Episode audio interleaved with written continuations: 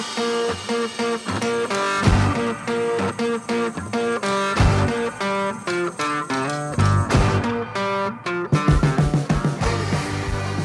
sann, alle sammen, og godt nyttår. Det er deilig å være tilbake i podden, og jeg er imponert av dere gutta. Mens jeg har strevd med strev, jeg har kosa meg i jula, men jeg har, hatt, har, jo tre unger og mitt å styre med, så det var deilig å, å bare kunne høre på dere. Så hvordan, hvordan står det til, Marius? Nei, nå, er, nå smiler livet, egentlig. Nå gleder jeg meg bare til preseason og komme skikkelig i gang. Så nå, nå er det masse planlegging og møter og alt det gode med å, med å være fotballtrener, om du vil. Ja, så alle snakker om at disse tre månedene det er så jækla lang preseason, men du bare åh, så deilig, nå skal jeg implementere mine ideer, jeg får tid på feltet, jeg slipper å bekymre meg for neste kamp. Er det litt sånn? Ja, jeg elsker det. Jeg elsker det. God, god tid til å, til å, utforme spillestilen i fred og ro, og ja, liksom ikke måtte tenke på motstanderen hele tida, men uh, kunne bare jobbe med utvikling av de du allerede har. Så det, det er moro. Det blir spennende å følge Stjørdalsblink i 2024. Og hva med deg, Anders og Vindbjart og rollen du har der? Hvordan, hvordan ser hverdagen ut nå i januar? Den er veldig hvit i form av at det er masse snø her. Så vi har jo ikke fått eh, starta opp treningene ennå med A-laget til Vindbjart eller eh, resten av klubben for øvrig. Så det har vært en litt spesiell eh, start på året. Jo, fotballmessig har det vært rolig, men har vi brukt så mye tid på å måke snø og alt det der at det, ikke, det har ikke vært en rolig start på året. Det, det har ikke. Men nei, det, det, er mye møter og planlegging og sånt, så det, det, begynner å krible litt, og man gleder seg til, til sesongstart egentlig allerede. Og jeg vet ikke om jeg syns eh, preseason er like artig som det Marius gjør, men det hørtes ut som det var veldig topp, det. Så, men det, det, er noe fint med det òg, så vi, vi, gleder oss til en ny sesong, vi òg. Jeg har jo eh, noen sesonger bak meg i bredden med ungdommer og sånn. Jeg syns jo også sånn den tida der er veldig, var veldig stas. Men jeg har jo ett år bak meg med Eliteserien for TV2, og jeg storkosa meg på det i januar-februar i fjor. Altså, det må jeg si. Ringte rundt så masse treningskamper, prata på telefonen i timevis med Amin Askar og diskuterte opp og ned og i mente og Nei, det Så ja, nei. Det, det en, jeg syns det her er en fin tid, jeg. Ja. Det er deilig å få en sånn liten ja, eh, pause, for det går så jækla slag i slag når første sesongen starter. Absolutt, og det er jo det med å kunne utvikle seg samtidig. Da. Så da, å kunne bruke den tida til å lære, det, det, kommer godt med. fordi midt i sesong så er det Da går mye til hverdagen og bare få gjort det som skal gjøres. Så nå er det godt å kunne se litt fotball og tenke litt eh, fotball og planlegge litt fotball. Det du sier nå, at du har lest bøker og tatt sånn webinar og sånn, du da, gjør det nå, Marius? Nei, jeg skulle ønske det, faktisk. Hvis noen, så hvis noen har noen sånne webinarer eller bøker å anbefale, så tar jeg imot. Jeg vet hva jeg syns var litt gøy? Eh, at Gaute Helstrup han eh, var jo, eh, skulle være med å snakke om et eller annet i NFF Nordland. Uh, og der sto det ute som at Tromsø-trener Gaute Henstrup Ja, de fikk endra det. Ja, nei, så kan, det, er, det, er, noe om et par dager, så det er bare å, å, melde seg på. Jeg har meldt meg på, selv om jeg bor på Østlandet, for å se om jeg slipper unna. Høre om han har noe fint å si. uh, og se om jeg får tid til å høre på det. Nei, uh, det beste jeg har fått i jula, kanskje, det er at jeg har fått solgt den, min, bilen vår. Vi måtte jo ha ny bil når vi fikk unge nummer tre. Kjøpte vi en sånn nei vi, nei, vi har ikke fått noen penger for reklame for biler så sier jeg ikke merke eller noe. Men jeg har solgt, jeg har solgt uh, Leafen, det kan jeg si, uh, til et eldre par, så jeg er fornøyd med det. Så fikk jeg en litt av penga der. Uh, det er bedre å investere i boliger og gi det tid enn å investere i biler. Det er fakta. Ja, vi er heller ikke sponsa av noen som selger bolig, bare for å ha det på Nei, det tørre. La oss uh, gå inn på det vi skal snakke om i dag, og i dag skal vi snakke uh, Ja, vi, vi, kan litt, i hvert fall. Skal, I dag skal vi snakke om Liverpool, og uh, det vi vet at i Norge Liverpool er kjempestort. Det er gener, altså generasjoner etter generasjoner arver denne Liverpool-lidenskapen, som jeg er veldig fascinert av, og som jeg syns er jeg, jeg liker det. Det var en som spurte meg en gang eh, hvilket lag håper du sønnen din eller skal heie på, eller datteren min? Så tenkte jeg bare sånn Nei, men Liverpool, liksom bare det der fellesskapet, at du kan møte på folk og ha noe felles å prate om med noen uansett. Det er United, Liverpool er jo klassikerne der. Hvis du skal tenke prosentvis sjanse for å få nye venner pga. favorittlag, så er det jo ikke eh, dumt. Så det å snakke om Liverpool i dag, eh, det er litt sånn ærefrykt over, fordi jeg vet at veldig mange av lytterne kan sinnssykt mye mer om oss om Liverpool som klubb, har sett flere kamper. Men det jeg håper, er at noen av de tingene spesielt dere skal snakke om, er kanskje en vinkel å se det på, og, og en måte å se det på som kan være lærerikt og interessant, i hvert fall. Det er det jeg håper på. Um, ja, Er du ikke enig i det, Anders? Jo, absolutt. Og vi har jo, um, er det ett lag jeg har blitt spurt om vi kan ha snart på podkasten, så er det jo Liverpool. Eh, helt klart dem som eh, folk har spilt inn flest gang. Så, um, og som du sier, da, vi er jo ikke Liverpool-eksperter, men vi har jo sett mye fotball, og vi har sett mye av dem, så mye vi har rukket fra Tottenham-episoden til nå. Og ønsker jo egentlig bare å bidra med våre synspunkter på det de gjør, og det de gjorde litt av i fjor. og Jeg har jo skrevet en del om Liverpool før, så man kan jo trekke noen paralleller til ja, 2020 og den perioden der, 2019-sesongen f.eks. Så det kommer vi nok til å gjøre. Og for dem som vil lese mer, så ligger de artiklene ute på fotballdykket.wordpress.no. Um, nå får vi sette i gang og snakke om Liverpool, og jeg har en litt sånn der, hva skal jeg si, bare kort intro for å liksom sette Jeg merker jeg trengte sjøl, for jeg, jeg, har jo Disclaimer, jeg har ikke sett så sinnssykt mye Liverpool de siste årene, men jeg har jo fulgt med sånn fra sida, sett litt høydepunkter og spilt litt fancy Premier League og sånne ting. Men um, man kan si sånn at 20 kamper ut i sesongen i fjor på dette tidspunktet lå Liverpool på syvendeplass. Da hadde de seks tap, de hadde 18 poeng opp til Arsenal, 13 poeng bak City. Og etter 20 eh, serierunder denne sesongen, som vi er det stedet vi er på nå, så topper de ligaen fem poeng foran Arsenal og City, med bare ett tap. Så jeg har et inntrykk av, eh, sånn fra siden, at sesongen til Klopp, Klopps menn har blitt litt sånn gradvis bedre. Og de kommer jo fra en direkte altså en maktdemonstrasjon mot Newcastle.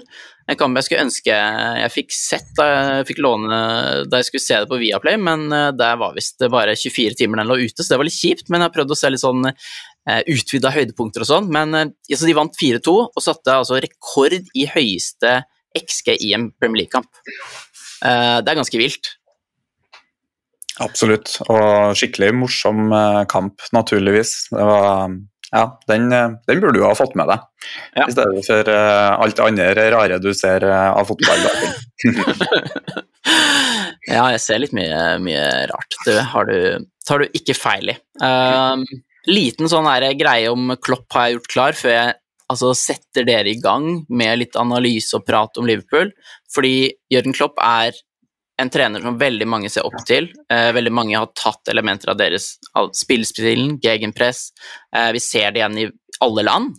Eh, og han har jo lært fra sine forbilder igjen. Eh, Jørgen Klopp har jo da en veldig imponerende trenerkarriere som startet i Mainz.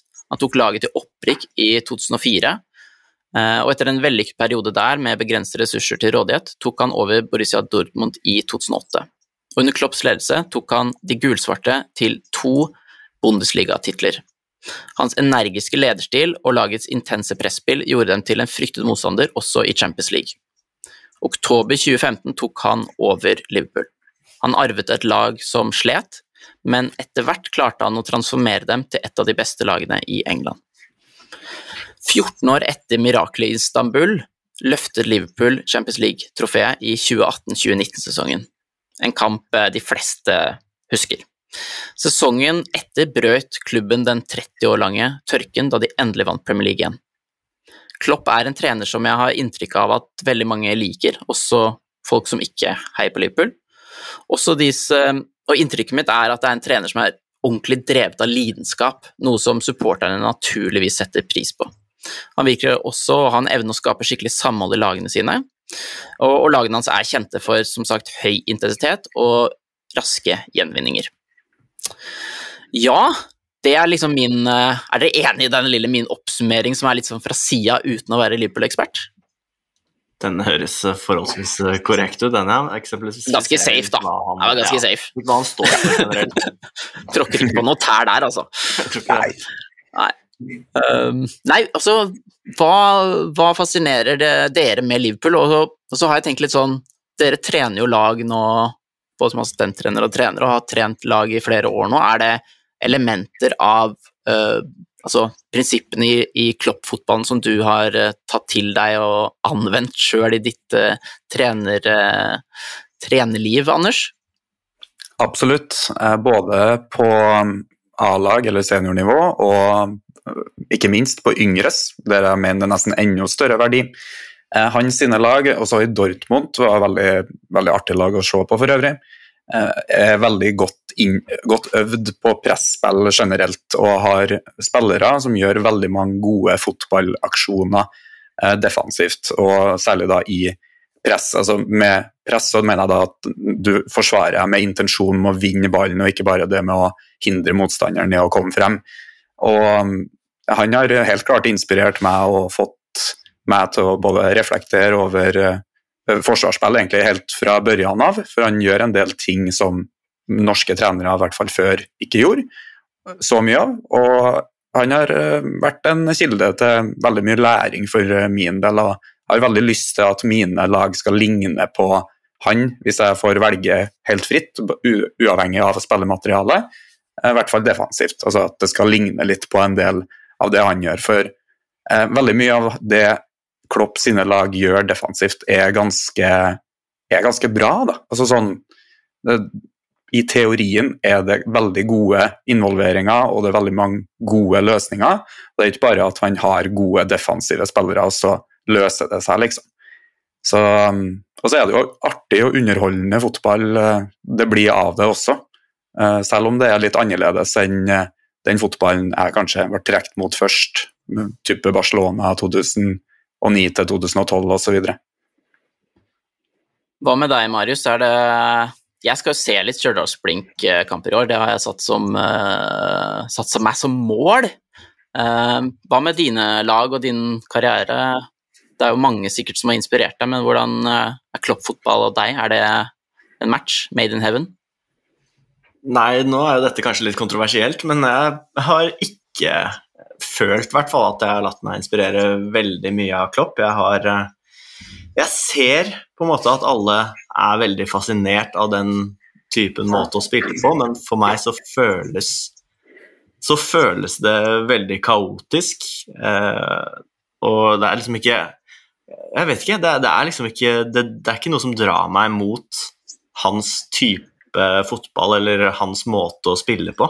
Det er litt mindre kontrollert enn det eh, sånn jeg liker det. Kanskje litt, virker litt mindre planlagt eh, offensivt. Og det med å være tålmodig og styre med ballen, eh, så føler jeg kanskje han liker å styre mer uten ballen.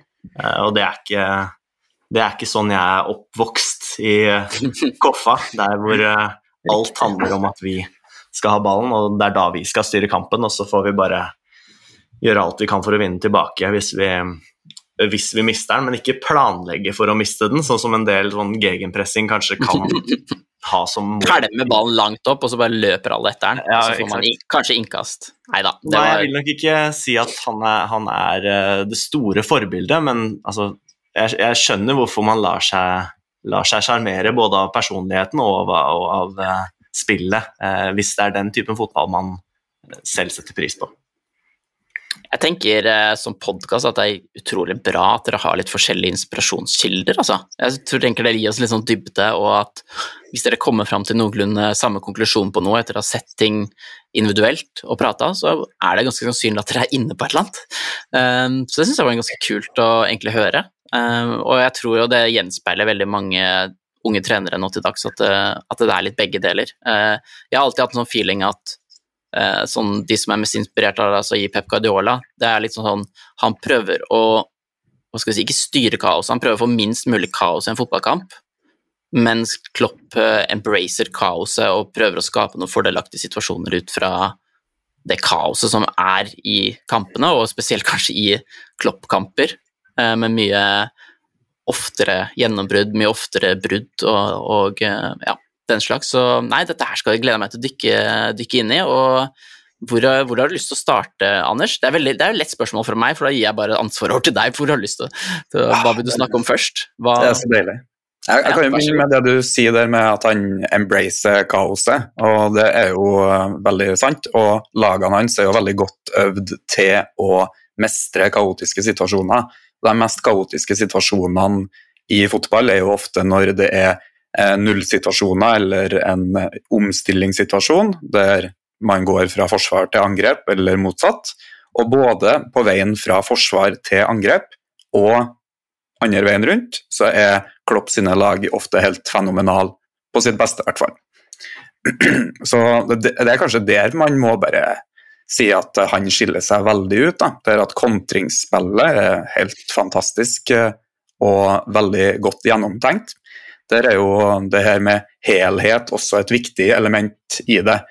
Man, eh, som de har snakka om i podkaster og intervju og alt mulig før, så det er jo ikke noe nytt. Men de har jo da pressa på en måte som gjør at hvis de vinner ballen, så har de mange folk klar til å kontre. Og klar til å motta ballen høyt i banen allerede. Sånn som når Mané, Firmino og Sala utgjorde den trioen på topp der, så presser de jo ofte i en 4-3-3 med kantene opp på stopperne og holdt midtbaneleddet ganske intakt. Og uh, screena sekseren eller den dype midtbanespilleren med Firmino.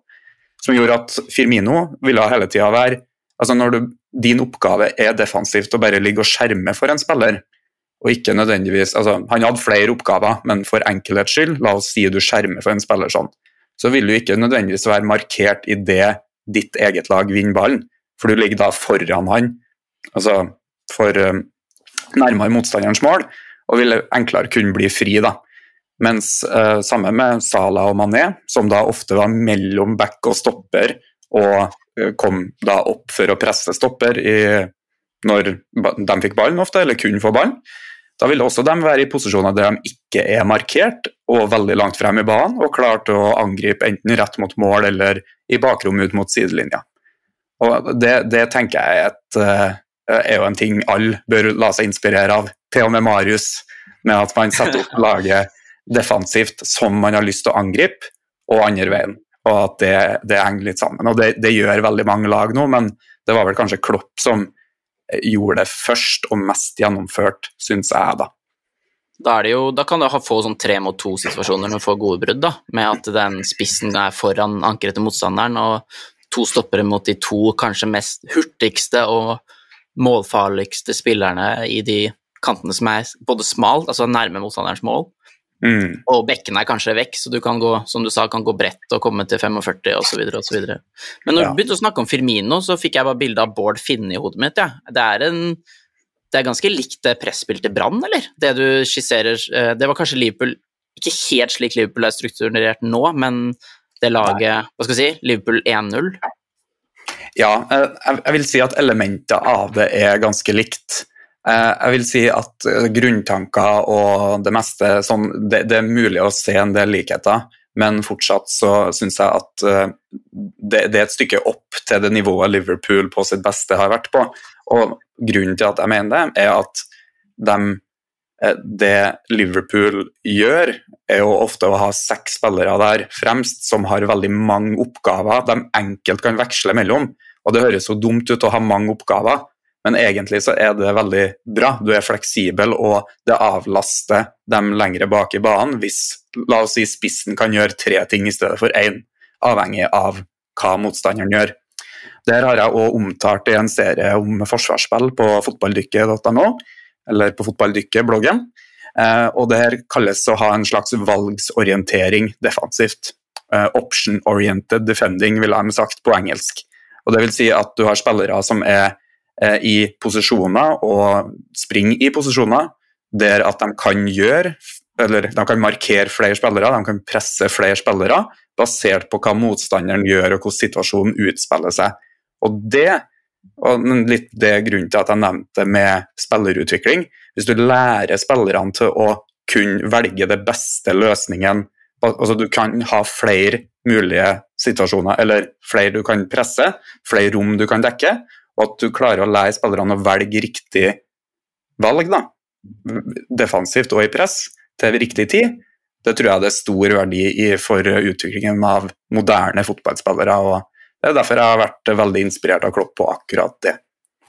Men eh, nå snakka jeg meg litt bort. Bård Finne og Brann, det, det, er absolutt likheter. Men jeg, jeg, jeg, jeg syns vi ikke må på en måte forenkle det Vi må spare til Brann-episode. Ja, men vi må heller ikke forenkle det så mye og si at uh, de gjør det samme som Liverpool, for det gjør de ikke. Nei.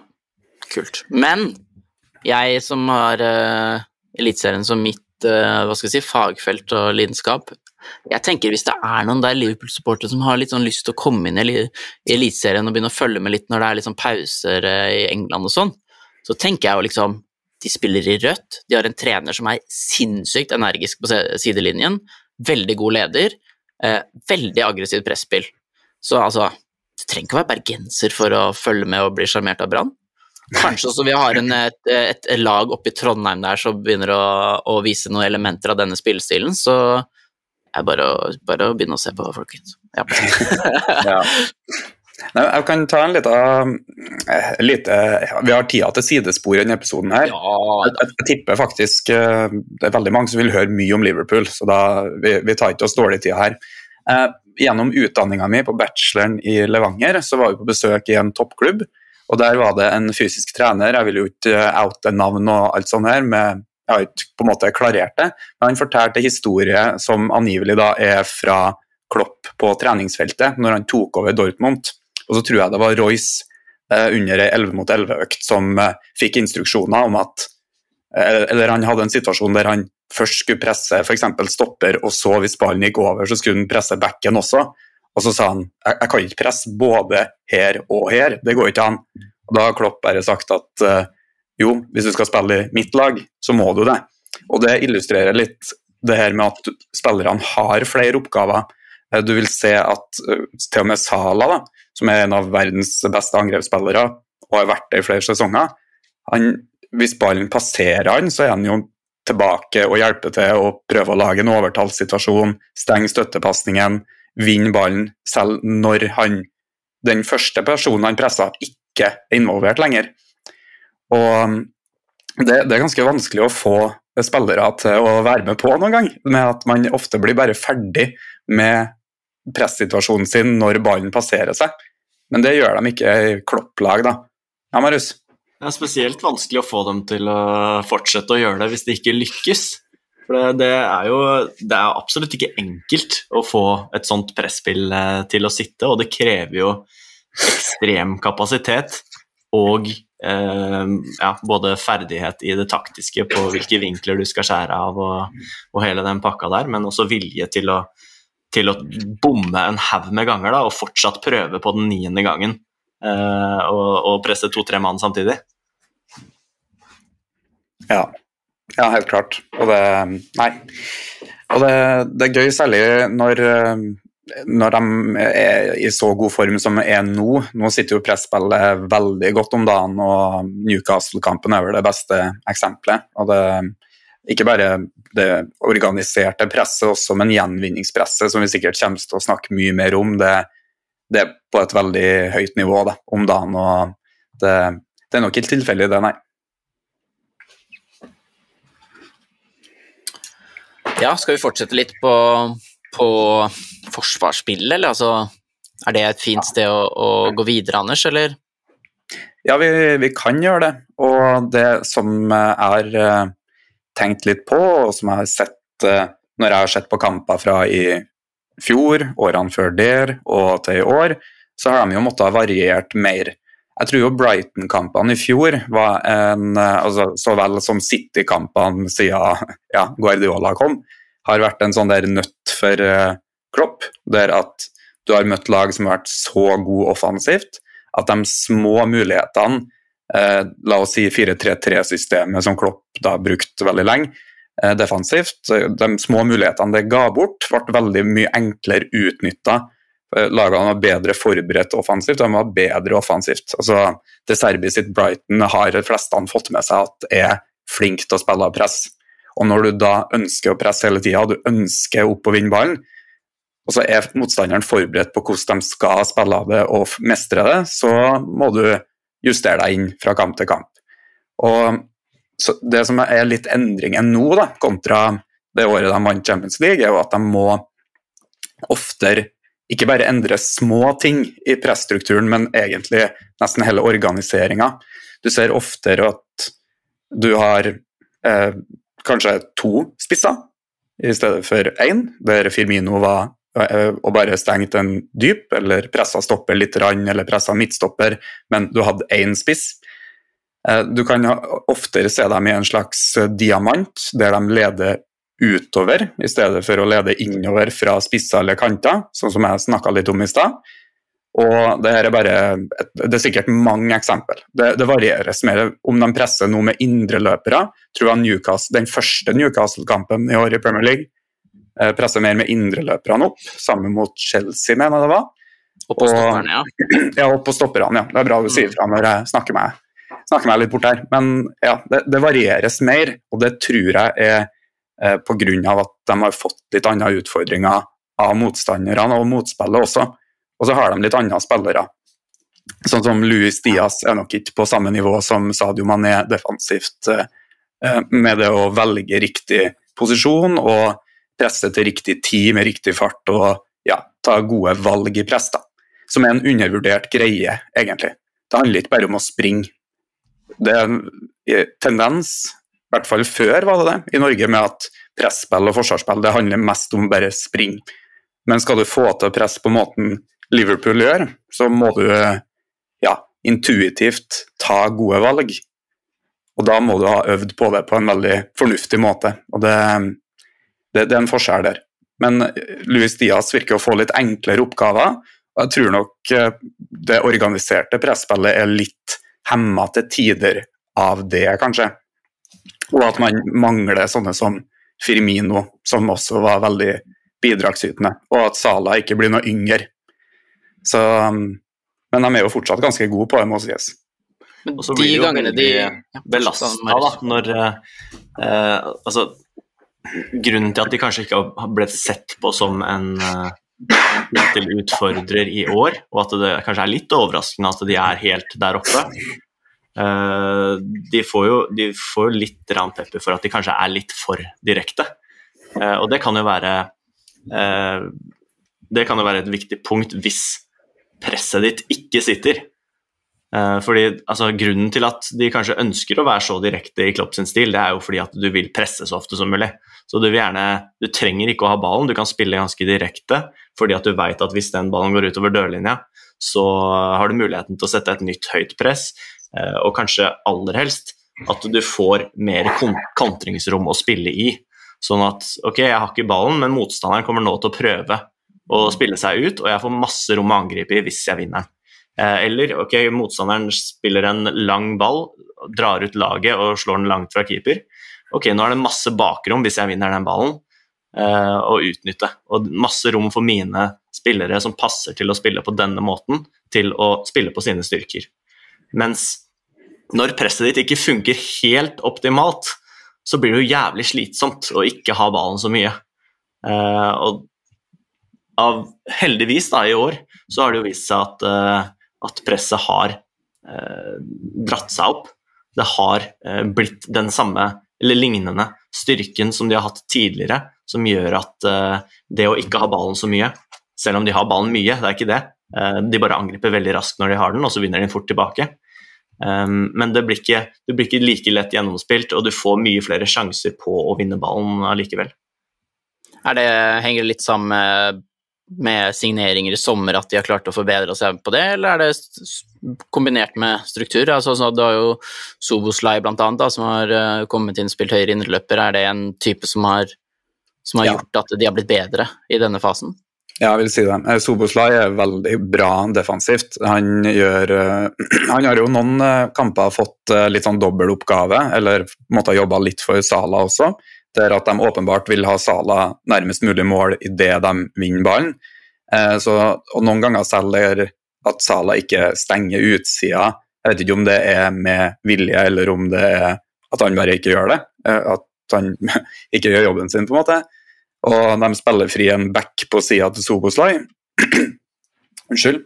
Så vil du se at han må ta ganske lange pressløp for å komme i backen. og han har ganske store rom å dekke, og klarer det også til en viss grad. Og så har han mange veldig intelligente involveringer der han velger f.eks. å presse på en støttepasning fra en midtbanespiller han har vært i press på, som spiller til stopper, og bare gønner på enda raskere. Han springer bare fortere og uh, presser gjennom, eller presser neste pasning, som en nå eh, kan si. Han virker å ha en ekstrem motor og eh, en hurtighet til å, til å, matche det, og en, en, fysisk ramme til å duellere på den måten som du trengs i et sånt, sånt overgangsspill. Er han bedre enn Martin Ødegaard i presspillet som uh, høyreinnløper? Jeg vet at det er forskjellige strukturer og sånn, men er det noe, kan du gjøre noe sammenligne deg på? Det er i hvert fall en med veldig motor som må gjerne uh, Ødegaard, som også stepper veldig ofte opp uh, eh, 15 meter for å presse på stoppen. Han er mye sånn. bedre ballvinner, da, i hvert fall. Ja. ja. Det henger sikkert litt samme lag òg, men ja, det er kult. Og statsa backer opp alt det dere sier nå, med med presspill, blant annet. Altså det, nå har jeg jo blitt litt glad i disse statsa som jeg titter på før hver episode, og da har liksom stats over duell, taklinger og avskjæringer per minutt av motstanders eh, ballbesittelse. Der er Tottenham og Liverpool eh, delt førsteplass i ligaen. Um, og så er det en annen statistikk som går litt på, litt på mye av det samme, som er også der de der topper de aleine, og det går litt på at de Eh, den statistikken inkluderer jo at de lager frispark. Da. Altså de, de lar ikke motstanderen bare få, få, komme i gang. På en måte. De, de presser eh, og lager frispark, eh, vinner ball, snapper ball eh, osv. Og, så og det er jo de vel helt avhengig av for å få den stilen her til å funke. Marius? Ja, og jeg, jeg, tror jo at uh, akkurat den stilen her, hvor du prøver å få mange spillere nærme ballen til å presse, den tillater deg jo også og takle mer hensynsløst. Du kan selge deg litt oftere fordi det kommer en til rett bak. Eh, og da vil du kanskje ende opp med å lage et par frispark, fordi at du, du, tør å kaste deg inn i taklingen og du tør å stikke ut foten eh, på tider hvor i andre systemer så er du egentlig den eneste som er her til å dekke opp hvis eh, Og hvis du blir forbigått, så er det overtall imot deg motsatt vei. Mens i Liverpools system så, så kan du på en måte satse på at det kommer en til selv om jeg bommer, så det er ikke så farlig. Det, dere er faktisk en litt sånn artig greie fra Red Bull-skolen, de som læres opp der, og som ofte har både lag og spillere som er veldig gode i presspill. Eh, og F.eks. Red Bull Salzburg, som eh, han Haaland var innom, og ganske mange andre. Eh, Ragnhild, eh, Marco Rose, det trenerne der, Jesse March, veldig sånn pressorienterte trenere, vil jeg si. Eh, der er det sånn at de lærer opp veldig mange spillere til å i én-mot-én-situasjoner ikke stoppe opp to meter før og liksom sidestille og lede en vei eller hva. Du bare springer gjennom og fullfører, sånn at ballføreren må utføre en aksjon under tidspress. Eh, det kan hende at det blir en del frispark, men det som ofte skjer, er jo at selv om det virker som rusing, så er den aksjonen så dårlig at nestemann, som jo er veldig kort unna, altså han er veldig nærme. Eh, han vil jo ha gode muligheter til å vinne ballen. Og Ser man eh, Roger Schmidt sine lag, så er det en sånn helt åpenbar greie de gjør mye av. Eh, det ligger en kamp på YouTube mellom hans sitt Salzburg-lag mot Bayern under Pep. Den anbefales å se for noen gode eksempler på akkurat det. Men ja, det, det gir mening, det. Ja, skal vi fortsette litt på det defensive, eller skal vi Ja, ja vi, må sammen, vi, må det. Ja. vi må det. Uh, for dem som da ikke på en måte uh, Her har vi jo ikke gått så nøye inn på hva de egentlig gjør defensivt, uh, selv om vi har vært inn på hva de har variert litt. De varierer litt strukturer på topp og hvordan det ser ut om det er 4-3-3, 4 eller 4-2-3-1. Altså sånn, Hvordan strukturen ser ut når de begynner å variere litt mer nå enn de gjorde før. Men det som er likt, da, og det som en kan merke seg som er, er veldig klopp-ish, og som er også ganske bra for å få til det han ønsker å få til, er jo f.eks. det med at backene involveres i mye større grad i presspillet og brukes mye mer fleksibelt enn ja, eh, eliteseriebacker for ti år siden gjorde. Nå, nærmer vi oss mer på det også, men eh, sånn som Trent og Robertson kan du se støtt og stadig både presse opp langs sidelinja på en eh, la oss si en back som får ballen over kanten, samtidig som de har en egen kant de kanskje egentlig skulle ha passa på, som ser helt ledig ut. De stenger vinkelen da og sørger for at man, eh, den pasningslinja er ikke åpen. Så det er en sånn ting, Han vil heller ha press på ballføreren enn at man faller av i sånne situasjoner for å sikre mot målet. Så press på ballen er en veldig prioritert ting til Klopp, der han egentlig gjør et par sånne kompromisser for å få det til. Du kan også si at backene går innover i banen defensivt om man ikke har la oss si en kant som står og koser med sidelinja. Så kan Trent eller Robertson ofte befinne seg inn i midtbanen, altså lengre inn i banen, og være i posisjon til å både kunne presse la oss si en indreløper, men samtidig støte ut på bekken. Da. Og Det er òg en sånn ting man eh, ser ofte på Klopp sitt eh, Liverpool. Samtidig som stoppere eh, er over snittet aggressiv, vil jeg si, på å støte ut. Og nei, støte opp, men også til å støte ut for å ta over posisjonen til backen som skyver. deg.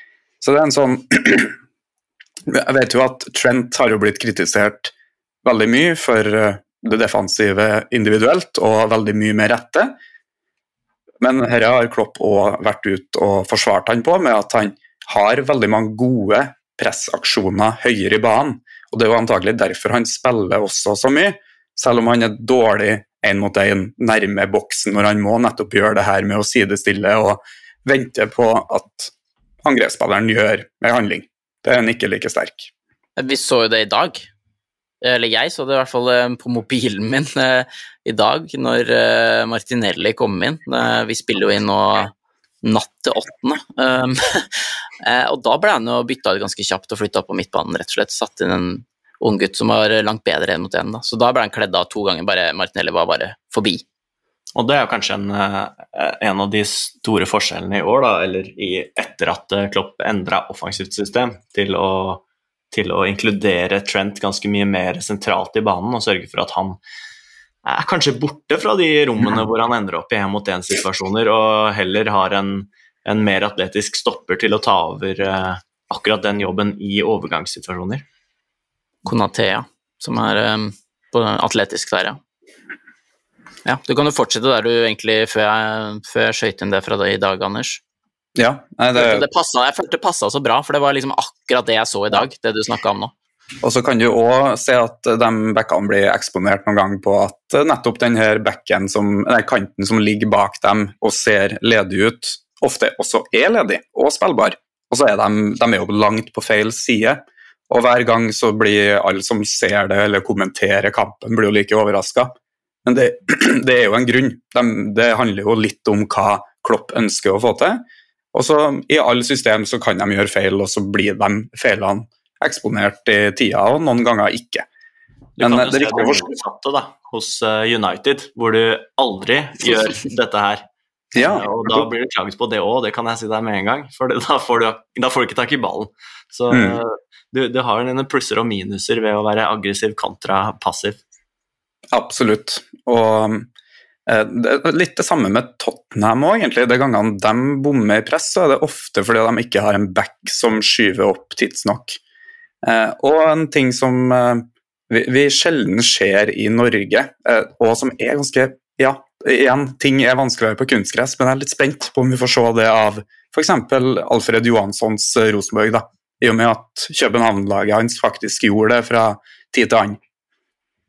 Ja, jeg, jeg, så jo selvfølgelig alle intervjuer og sånn med han nå her om dagen. Den første dagen så var han jo fra intervju til intervju til intervju, og da snakka han faktisk akkurat om dette her med kunstgress opp mot uh, naturgress, og at det, det, kan hende at det blir en litt annen strategi i forhold til ja, hvilken uh, underlag de spiller på. Um, og så, når vi først er inne på lag vi har snakka om før, så sjekk ut Rosenborg-episoden hvis dere har lyst til å litt, lære litt mer om Alfred Johansson og hva vi kan forvente av han. Men dere snakka om noe med United og Tottenham det har jo dere snakka om i romjula, så de episodene syns jeg var utrolig bra. Og det var kjempeinteressant å høre om bekkene til Tottenham, rollen til Udogi, Porro, um, og litt hvordan disse skadene nå har, har gjort dem langt Altså veldig mer um, Hva skal vi si sårbare defensivt. Um, og dette med United var også sabla gøy, for jeg så liksom en kamp uh, rett etter dere hadde gjort det her, og jeg, det, dere, er jo spot on, så jeg nei, det, det, anbefaler jeg. Får ikke høre nå. Jeg var ikke med i den episoden, så da ble det jo ble det veldig mye fagprat, så det likte jeg. Ja. Og så vil jeg si en siste ting. altså Nå kjenner jeg jo at jeg kanskje ramser opp ting som folk ikke kanskje syns er så interessant, men jeg syns det er verdt å merke, for det er ikke alle lag som gjør det, og da syns jeg det er så artig. Og det er her med at uh, når uh, Altså 4-3-3 blir også hos Liverpool en slags 4-5-1 til tider. Men en viktig ting du kan se, hvis du følger med på indreløperne til Liverpool, så gjør de en ting som du aldri ser dem gjøre i det norske tradisjonelle 4-5-1-soneforsvaret. Og jeg har uh, kritisert den, det norske klassiske 4-5-1-soneforsvaret før, og sikkert fått kritikk for det sjøl òg for å ha gjort det. Men det, jeg står fortsatt inn for alt jeg har sagt og skrevet. Du må så, passe deg, Hvis du kritiserer feil folk, så får du ikke noen priser på idrettsgallaen. Så pass deg litt nå, de som skjønner hva jeg snakker om. skjønner. Fortsett. Ja, ikke sant. Nei, men det, det, det, går fint, jeg kan leve med det. Jeg tror ikke jeg får noen priser på idrettsgallaen uansett, så kan jeg si hva jeg vil. Men hvis du ser på uh, indreløperne til Liverpool når de ligger i ramma, kan du si, og når de skyver, så vil de hele tida skanne bak seg og sørge for at de stenger vinkelen inn til mellomrom fra der ballen er. Som gjør at når ballen flyttes La oss si at en sentral midtbanespiller til motstanderne dribler sidelengs foran dem, Dagfinn er med nå, ser jeg. Jeg lukker en øya for å lage bilder i hodet mitt her nå. Det anbefaler jeg flere å gjøre, eller finne en taktikktavle. Så vil du se at indreløperen man dribler mot, i stedet for å falle inn mot egen dyp, som man vil gjøre i et soneforsvarssystem, sånn som vi har gjort det ganske lenge her nå, så vil han bare fortsette å egentlig stenge pasningslinja og holde en litt høyere posisjon. Og Da får du en større skygge med høyere posisjon, og da er du i posisjon igjen til å kunne presse opp i større grad enn hvis du hele tida må ned bak din egen dyp når sånne ting skjer. Nå ble det veldig teknisk. Hva du mener med skygge? Ja. Og det er viktig i et, eh, når vi snakker om Klopp, det her med bruk av dekningsskyggen, eller bare skyggen. Eh, cover shadow er jo det engelske begrepet her. Du, når du uh, ja, står foran en motspiller, så kan man si at du har lagt han spilleren i skyggen din, så lenge han ikke kan bli spilt til, for du kan snappe pasningen til han. Så det handler egentlig bare om at du eh, Se for deg at fra ballen så kaster du en skygge bak deg, og det vil være lurt å legge motstandere der, for da er det midlertidige vindu der de ikke kan bli spilt. Det betyr at du egentlig gjør to oppgaver samtidig. Og igjen, som vi var inne på i stad, så er det bedre å ha gjort to oppgaver enn å ha gjort én, sånn generelt. Veldig enkelt forklart. Eh, så det Jeg vet ikke hva det tydelig nok Ja, det, virka var veldig bra. Men det, det, er veldig gøy. Jeg, bare for å skyte inn, da. Jeg gjorde det her med et ungdomslag det var i kjelleren eller noe sånt. Skrudde av lyset, tok fram lommelykt, satte opp eh, kjegler fordi vi pressa med tre sånn spiss og så to kanter som var litt inn i banen. Hadde du et ungdomslag, men, stopp, stopp. Hadde du et ungdomslag i kjelleren? Nei, nei det høres ikke bra ut.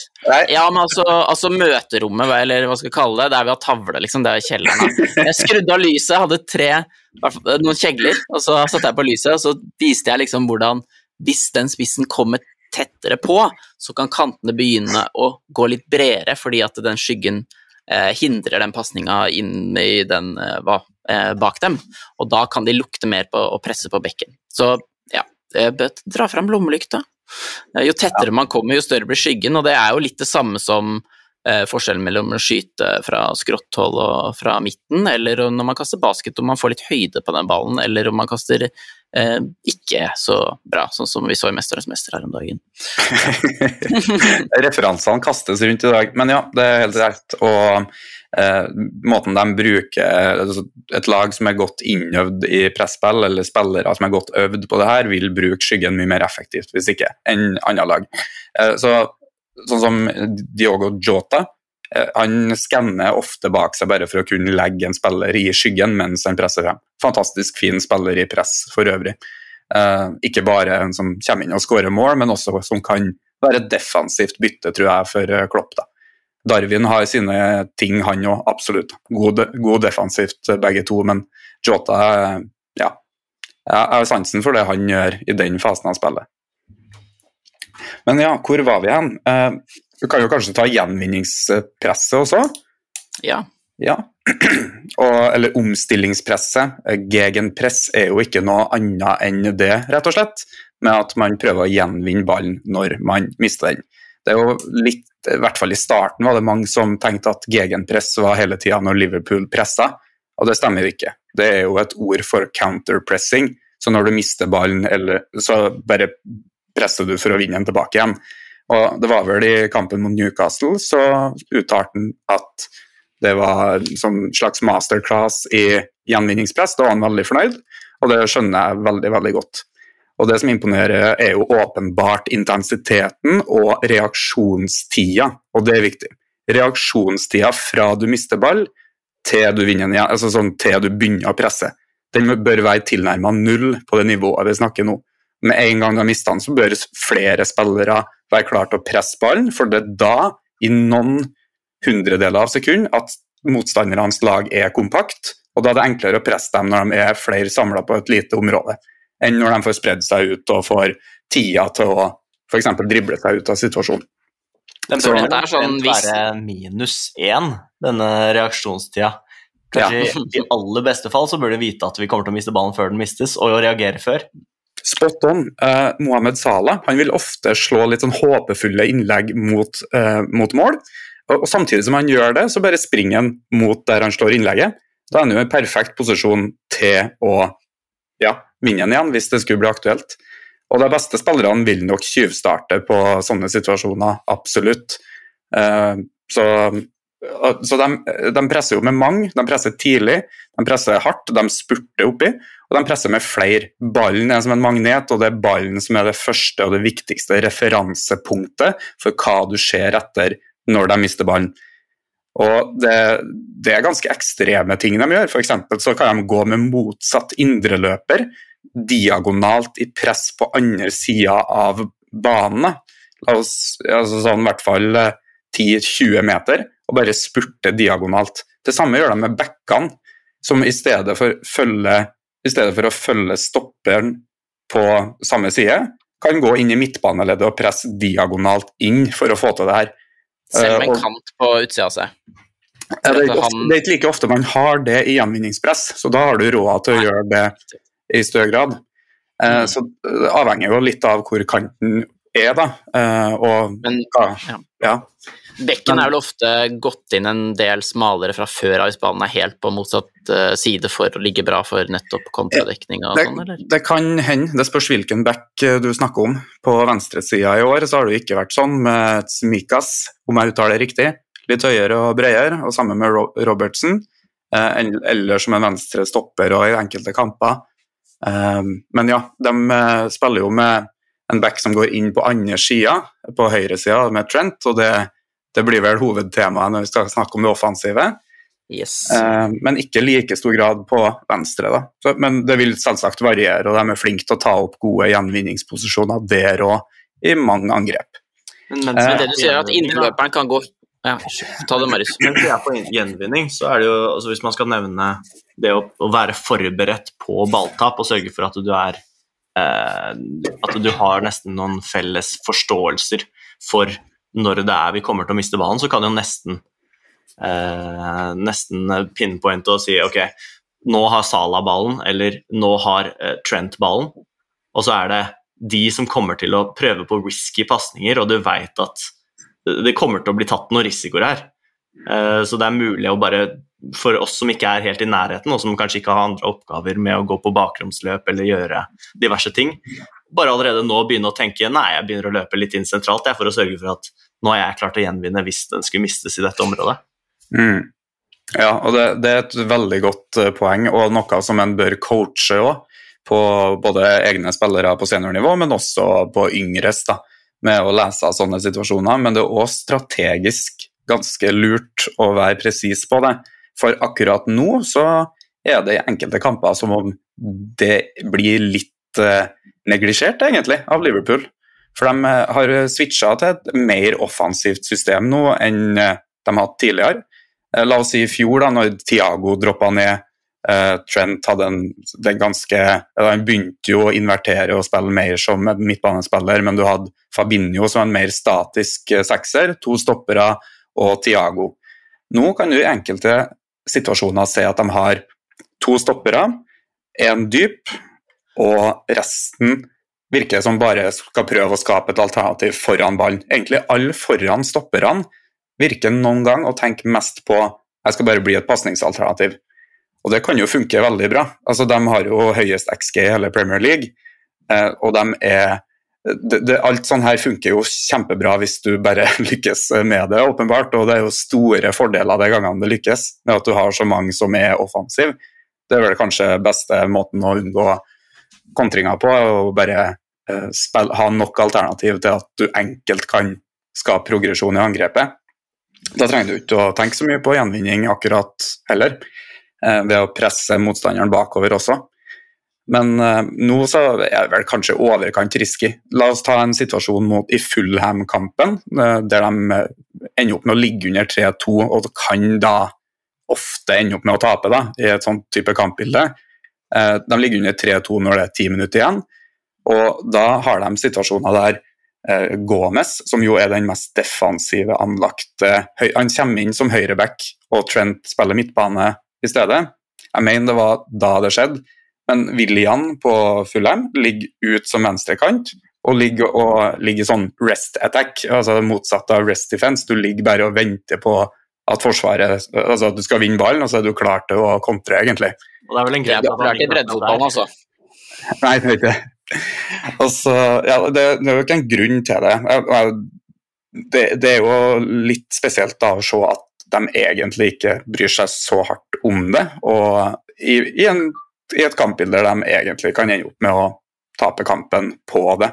Så de har tatt eh, ganske stor risiko på sånt, der de dundrer opp Simikas Robertson på venstresida for å skape bredde. Diaz, som ofte har spilt venstrekant, kommer jo inn mot mål mye tidligere enn Sala på høyre.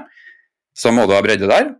Uh, Trent kommer jo inn, men han, jo ikke, han har jo en ganske fri rolle og er veldig offensiv, han òg. Så da, da, har du liksom ikke den, dem som teller opp, bortsett fra kanskje en dyp, spørs hvem som er der og hvor han er igjen, og to stoppere. Flaks for Liverpool at de har Konaté og Virgil van Dijk da, på akkurat de posisjonene. Det hadde ikke gått like bra med Lindeløf og Maguire, vil jeg tro. Nei, det gjør jo ikke det. Nei, det gjør ikke det. det, det gjør det ikke. Så så har jeg jo fått spørsmål. Uh, Shout-out til Rune, som har sendt inn det her. Med, altså, og det er jo det åpenbare spørsmålet som mange har stilt òg, med at man hva, hva, er egentlig forskjellen fra i fjor, når det gikk så dårlig, og til nå? Og når det gjelder det defensive, så vil jeg si at det viktigste poenget er noe så enkelt som intensiteten de klarer å opprettholde og holde. Sånn som mot Newcastle, det nivået de er på der, det var ikke like ofte i fjor, for å si det sånn. Fordi de har en, en måte å forsvare seg på som er så opptatt av å vinne ballen, og for å gjøre det så skaper de overtallssituasjoner både sentralt og bredt. Presser ofte med både back, indreløper og kant hvis de får den langs sidelinja av motstanderen. Det er veldig dumt å presse i overtall hvis du ikke har høy nok intensitet, eller hvis du ikke spurt, rekker å spurte oppi og komme tidlig nok i situasjonen til at det faktisk blir vanskelig for motstanderen. For hvis han får god nok tid La oss si Venicius junior på ikke, Var det på Santiago Bernabeu de spilte i fjor, eller var de Ja, men borte mot Real Madrid, da. Uansett. De taper den 1-0. Men det ser bare rart ut. Fordi han, de kommer fort joggende, kan du si, mot den. Og han har jo all verdens, verdens av tid til å velge hvilket alternativ han har lyst til. Han kan drible ut, han kan sentre ut, han kan kombinere seg ut. Han kan vri med en lang pasning. Og da er det vanskelig å holde på med kloppfotball. De hadde jo i sesongen før vært med i fire turneringer og kom i finalen i tre av dem. Eh, så de hadde jo en veldig tøff sesong året før. Og jeg tror det var veldig påvirkende. Og likevel så hadde de ikke en så dårlig sesong sånn i underliggende tall. Og når de da fikk den altså, muligheten til å få, eh, få seg tilbake til sitt vante jeg da, i år, og litt flyt og alt det der som hører med i en god sesong, så er de der de egentlig hører hjemme. Så du sier er litt at man Det her er en stil som hvis du er her på 90% eller du mangler spillere som passer inn, eller man er litt sliten og sånn, så kan det se Altså, det kan gå til LH, og når det funker, så altså så er det bare helt råbra. Det er jo det at når du, du snakker om overtall vi er så vant, altså Når vi hører folk snakke om overtall i fotball, så er det nesten alltid offensivt. Ja. Men du snakker om overtall defensivt, og da handler det om å, at man flytter folk eh, i nærheten av der er ballen fordi man føler at måten man gjør det på, så er ikke de som er eh, da vil altså, Har du overtall et sted, så vil motstanderen ha overtall et annet sted på banen, men motstander vil ikke klare å komme seg dit eh, Mm. eller slash komme seg dit raskt nok fordi du presser så bra. Og det er da du snakker om at hvis det presset ikke er aggressivt nok og riktig, så vil det straffe seg noe kolossalt. Mm. Og de aksjonene de gjør for å få til det her, altså de, som lag og lagtaktisk, så er det La oss si de spiller ballen inn i strukturen. Da har de jo mange eh, spillere som er klar. Spissen presser bakfra, kanten presser og stenger utsida, indreløper støter opp, dyp støter opp. Fire bare kretser rundt en sentral umiddelbart. Eh, har noen klipp fra en City-kamp der det skjedde ganske støtt og stadig. Eh, Bretto skjer det samme, der de da skyver så hardt med så mange at de lager tre mot én, fire mot én, og gir ikke motstanderen mulighet ved Altså, motstanderen får ikke tida til å vri spillet, med mindre man er fryktelig god. Og det skjer jo noen ganger, det har også skjedd i år, men det skjer Altså, jeg tror de bare vurderer at gevinsten er høyere enn risikoen. da. Det, men det, det systemet her, det er jo egentlig Når jeg tenker som trener, da, så vil jeg jo sette mine, mine angrepsspillere i rom midt imellom motstandere. Egentlig der hvor eh, Klopp ønsker å ha motstanderen. Så akkurat i de rommene midt imellom flere, fordi at han kan også da presse dem fra flere sider og eh, skape overtall mot den som mottar ballen i forskjellige rom.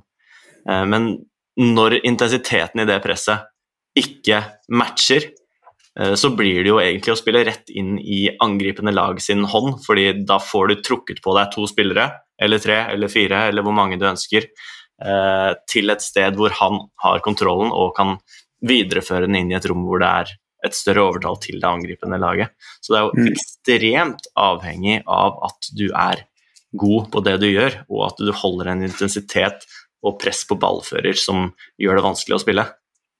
Ja. Og eh, hvis du sammenligner med når United har hatt en dårlig sesong de siste par årene, da har det vært dårlig. Når Liverpool har en dårlig sesong, så ser det bare ut som de er ja, litt under pari, men du føler jo fortsatt at de kommer til å være der. Men hvis man bruker eh, Raymond Verheyen sin eh, terminologi for hva, som, hva en fotballinvolvering eller fotballaksjon inneholder, så er det posisjon, timing, retning og fart. La oss si når f.eks. indreløperen presser ut. Så er det en posisjon han presser fra, timing i når han presser, en retning, en hvilken vinkel springer han med, og fart, hvor fort presser man. Og når den farten blir redusert så mye som den blir da, i, i løpet av 90 minutter, når du ikke er 100, du er ikke på det intensitetsnivået du skal, så er det eh, veldig ødeleggende for den type fotballaksjoner. Mens eh, ja, Busquets han klarer å gjøre veldig mye av det han er god på, uten at han må være 100 på den farta hele tida. Er det da man bør ha en Jeg vet ikke, jeg vet ikke om jeg vil kalle det plan B, men en, en måte å, å, å liksom endre hvordan laget presser på? Hvis det ikke fungerer, hvis man har skader som gjør at man ikke har spillere med den farta til å kunne presse, eller man møter et sinnssykt godt lag, er Liverpool et lag som da jeg vet ikke hva skal jeg si, legger seg lavere og mer sånn Ja. norsk forsvarsspill, si, eller er det, kjører de sin greie uansett? Det er mulig jeg setter det litt offside her, altså. De, de kjører jo stort sett sin greie, men de kan presse lavere òg for den del. Men du vil fortsatt se ting som at stopperen på ballside støter ut bak backen sin, eh, som du jo sjeldnere ser i Norge i firebacksrekke. Eh, og dette spørsmålet det er veldig sånn Spørs hvem du spør, men jeg vil jo si da at når Altså, når er det når er enden på visa? Når er det det går bra til slutt? Altså, nå har jo Klopp kommet dit at han altså, Dessverre, nå når han mister Sala og dem til Afrikamesterskapet, så kan jo hende det ikke går hele veien i år. Eh, Hvem vet? Men uansett, han leder ligaen nå og hadde en dårlig sesong i fjor, resultatmessig.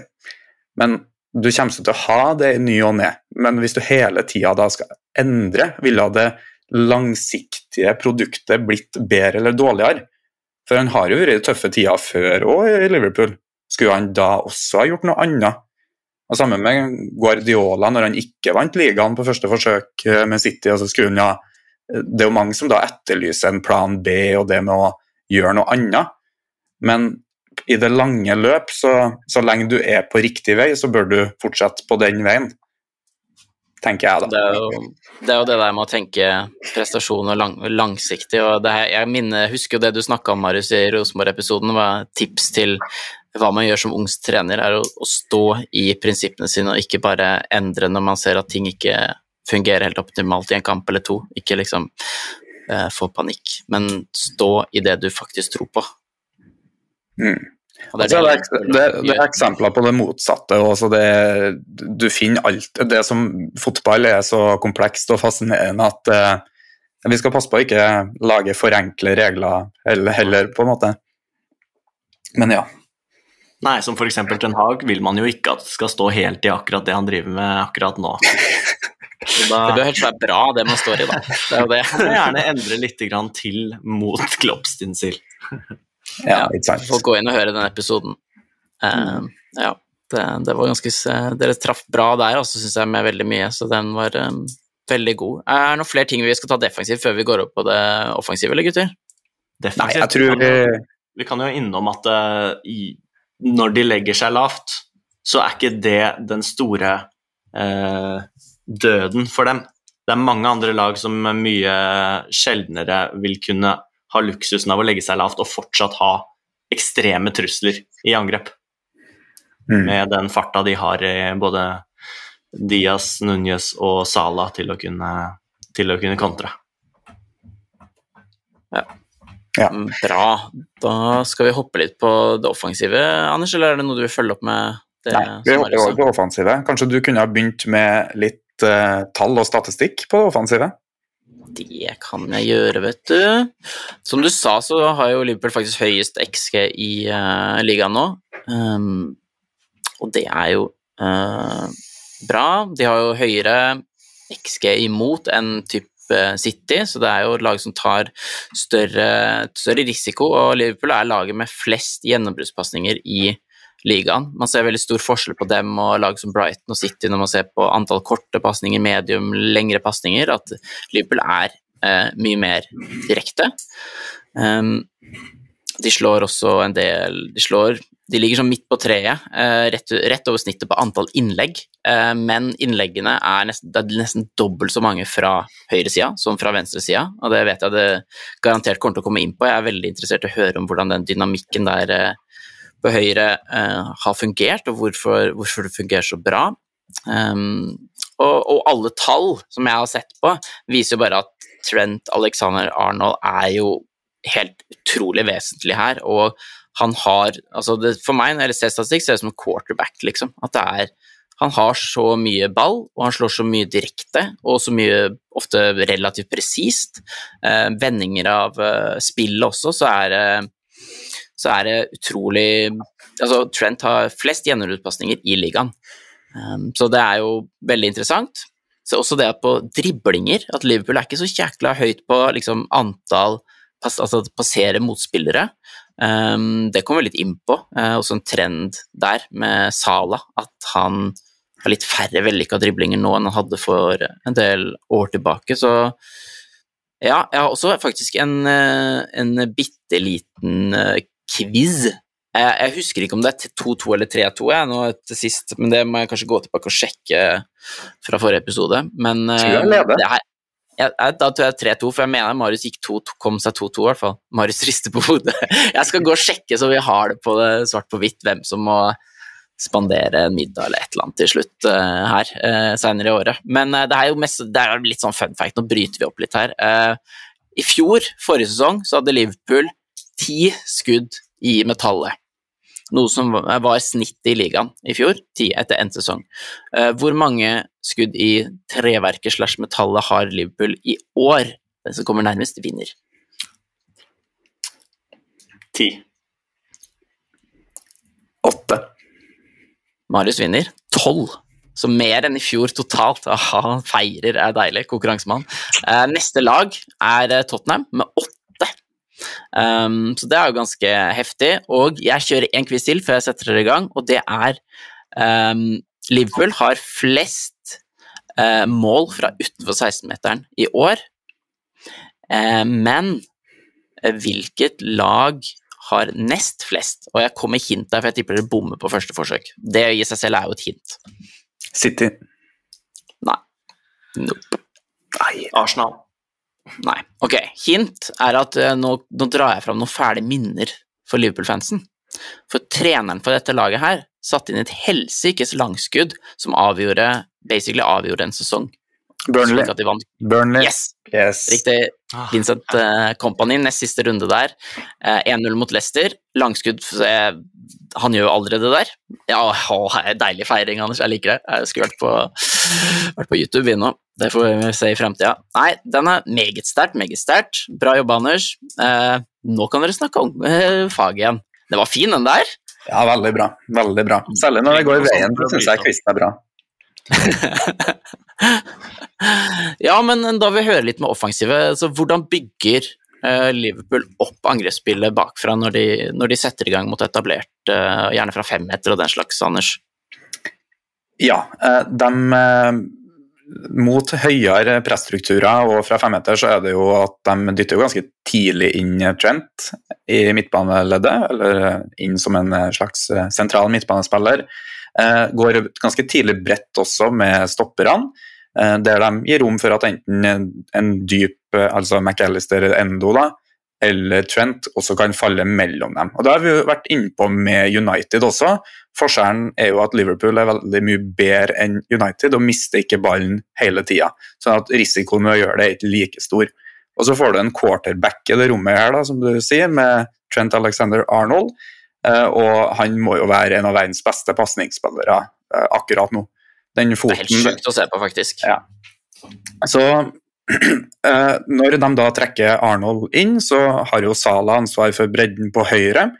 Og så er det litt andre strukturer på venstre, der at Tsimikas er bredt og så lavt ofte, eller Robertson Tsimikas på venstrebacken, ofte sånn at de kan bli spilt, i hvert fall, i en tidlig fase av oppbygginga mot høyere press. Eh, men de vil gradvis trekke litt oppover i banen, fordi Luis Diaz går litt lenger inn for å kunne angripe mot mål. De, de, rullerer jo litt på hvem som spiller hvor, men jeg håper folk og Liverpool-supporterne bare bear with me for uh, å gjøre for enkelhets skyld her. Uh, Darwin Núñez strekker og truer bakrom, og så lager de jo en slags liten boks på midten ofte, med Eh, Arnold og de tre midtbanespillerne.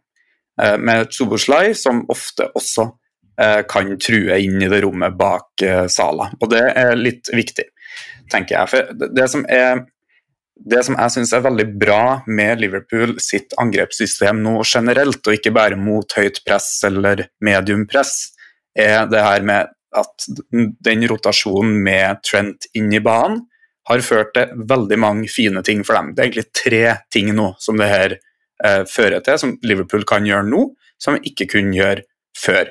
Og her er også et, eh, en ting jeg har fått spørsmål om fra Christian, som jeg vet hører på, som er en fast lytter. Så en liten shout-out der også. Jeg er god på shout-outs, jeg. Eh, men, men, hva er liksom hva er det de prøver på, hvorfor gjør de det, og eh, hva er det de får til i år. Hvorfor funker det så bra i år når det ikke funka i fjor? Det ene med å få Trent inn i banen, er at du får angrep, eh, du får angrep med kvalitet veldig tidlig. Altså Du får ballen til de beste spillerne, og så får de gjøre noe med ballen. Det vil ofte være en veldig anvendt situasjon i lavere divisjoner. Femtediv eh, herrer, senteret til den beste spilleren, la han gjøre noe. Han som har en eliteseriekamp eller to. Og ikke en dårlig strategi, for det funker jo ganske bra. De, og Det får de til på to måter. Enten får du gitt ballen til quarterbacken, og så får folk bare springe i bakrom, og så får han finne dere med Trent inn i banen. Bedre posisjon til å kunne treffe spillere på venstresida så vel som høyresida, og sentralt. Eller i hvert fall til begge sidene. Eh, men du kan òg tidligere sette opp Sala og få han involvert i angrepet, der han har fått litt annen rolle i år. Masse assist, uh, har vi flest av alle. Og veldig mange nøkkelpasninger, altså får flere nøkkelpasninger i år. Og prøver jo ofte på dem også. Og noen av pasningene hans er jo også helt uh, fenomenale. Uh, han mister sjelden ballen, og når han drar på seg altså De gangene han må spille enkelt, så har han dratt på seg tre-fire spillere potensielt. Det er litt av det samme grunnen til at det er lurt å involvere Messi tidlig i angrepet, fordi andre er ledig. Så det her kalles det å angripe via kvalitet. Eh, jeg vil anbefale dem som ble nysgjerrige nå, til å ta et kurs gjennom Spielforlagerung, som ikke er en sponsor, men bare som er topp, topp kvalitet på sånne ting. For det motsatte vil være å angripe via kvantitet, at du setter opp overtallssituasjoner med spillere som ikke gjør så mye selv, men sammen gjør ganske mye. Tottenham gjør det. Og det Tottenham gjør da tidlig i angrepet, er å sette opp overtallssituasjoner for å kunne sette opp kvaliteten sånn senere i angrepet. Mens da Liverpool gjør egentlig det motsatte. Sette opp Trent og Salah for å kunne angripe både med kvalitet, så klart, men også med overlepper og underlepper og kvantitet senere i angrepet. I og med at de frier opp. Én mot null er jo òg en kvantitativ fordel som man kan eh, trekke frem. Altså Hvis Sala trekker på seg alle motspillerne og én står helt ledig, så er det en én mot null-situasjon, og da har du angrepet sånn. Og nå har jeg snakka mye, så jeg bare spør henger heng dere med, og er dere enige? Jeg tror det, og jeg, det, jeg, tenkte på Messi før du sa det her, fordi jeg husker veldig godt en periode der Barcelona-laget begynte å fungere litt eh, dårligere. Så var det jo liksom bare Messi kom dypere og dypere. Gi han ballen, og så finner han en pasning eller drar på seg kanskje to mann, og da leser han hvor det blir en åpning. Men selvfølgelig Trent er en helt annen spiller, men, men det der med å faktisk spille på kvaliteten med en gang i startfasen, det er jo det syns jeg var veldig interessant, fordi da, du har gjerne det som du sier med at Jeg husker Messi tidlig, nå skal ikke snakke om det, så venta, kunne de vente til at ballen kom mer til han i en seinere fase, fordi de spilte seg ut og hadde den trioen på midtbanen der som var helt legendarisk, så kunne de bare sette han opp eh, seinere fase, da. Men etter hvert i karrieren så, så ble det bare at han kom ned, henta ball, og så kom han fram, og så gjorde han et eller annet driblinger, spilte et annet sted, så kom han seg sabla meg inn i 16-meteren og avslutta sjøl til slutt også. Uh, så nei, det ble kjempe Nå dro jeg bare Det var noen gode minner her jeg fikk. Uh, bare hyggelig. Men, men, ja, ja, takk, takk, takk. Men det er ikke noe sammenligning der, men begge har i hvert fall en helt latterlig pasningsfot, da, de to mm. gutta der. Så jeg, jeg syns det var spennende i dag å se liksom Trent dropper ned til og med mellom stopperne og bare gir meg ball. Og så er det noen ganger mer naturlig å gi ballen til Mosa stopper hvis man tenker sånn naturlig eh, tre mot to, en stopper skal få med seg ballen fram. Men det er bare du gir ballen til Trent, han er maestro, og så er det bare én touch, bang i bakgrunnen på venstrekanten, og så er det liksom Ballen stopper Nei, det er, det er helt vilt. Det er vilt å se på han. Det er altså hvis, uh, altså, ja, Det er lenge siden jeg har vært inne på fotballmanageren. Hvis ikke han har 20 på et eller annet uh, på det greiene der, 20 av 20 i ferdigheter, da skjønner jeg ingenting. Ja. Han, det, eksemplene er jo bare latterlige. Det var et klipp jeg fant her og lagra, det med at han eh, mottar ballen fra Sala, som har fått litt press på seg, eh, og fra halfspace da, ish, bruker venstrebeinet, altså sitt nest sterkeste bein, til å bare prikke gjennom Sala rett etterpå med en sånn innsideskru langpasning. Uh, senere i kampen så smekker han den over på andre sida med høyrebeinet. Liksom han gjør hva han vil på, med akkurat det. Men ja, de, du har to åpenbare veier der da ved at Sala både legger inn, dribler, skyter, alt det der. Du får involvert han tidlig, kombinerer seg frem og sånn. Uh, Trent sin pasningsfot. Men du har også det her med at Liverpool nå, med den rotasjonen, er satt opp, er satt opp til å spille gjennom presset sentralt. Og det var de ikke like godt satt opp til i fjor med Fabinho, og når den rotasjonen var litt eh, ja, i barndommen, kan vi si. Så Endo og McAllister altså McAllister han gjorde jo det her hele tida i Brighton. Det var jo sånn, Brighton spiller gjennom presset sentralt hvis du lar dem. Det er rute én, med mindre de kan gå i bakrom, så klart. Så Der er jo McAllister eh, veldig godt trent. og du har situasjoner der du får ballen til Trent eller han, så plutselig er det et veggspill, og så er en av dem gjennom. Eh, som er et nytt, eh, jeg vil si det er et nytt våpen for Liverpool i år, og som er veldig spennende å se på. Uh, og ikke bare veggspill, men du kan kombinere med tredjemannspasninger og alt mulig for å få en av de fire sentrale spillerne der i den boksen eller diamanten til å bli ledig. De har fortsatt muligheten til å gå over Forsvaret med pasningsfoten til Trent, Van Dijk og veldig mange som er flinke til å springe fremover, med Sjoboslai, Darwin, Diaz som de åpenbare eksemplene. Og du kan fortsatt sette opp saler én mot én, ved å spille rundt motstanderne. Så de kan både komme seg over dem, gjennom dem og rundt dem, og det er et godt utgangspunkt for å angripe. Plan A, B og C er veldig vanskelig å forsvare samtidig for motstanderne, og det her var vi inne på i Tromsø-episoden også. Så selv om du var jo inne på at det virker ikke som angrepsspillet like planlagt og strukturert som det Pep sitter, Marius. Jeg vil jo si at i år så er det et skritt i riktig retning på eh, mulighetene man har. Da.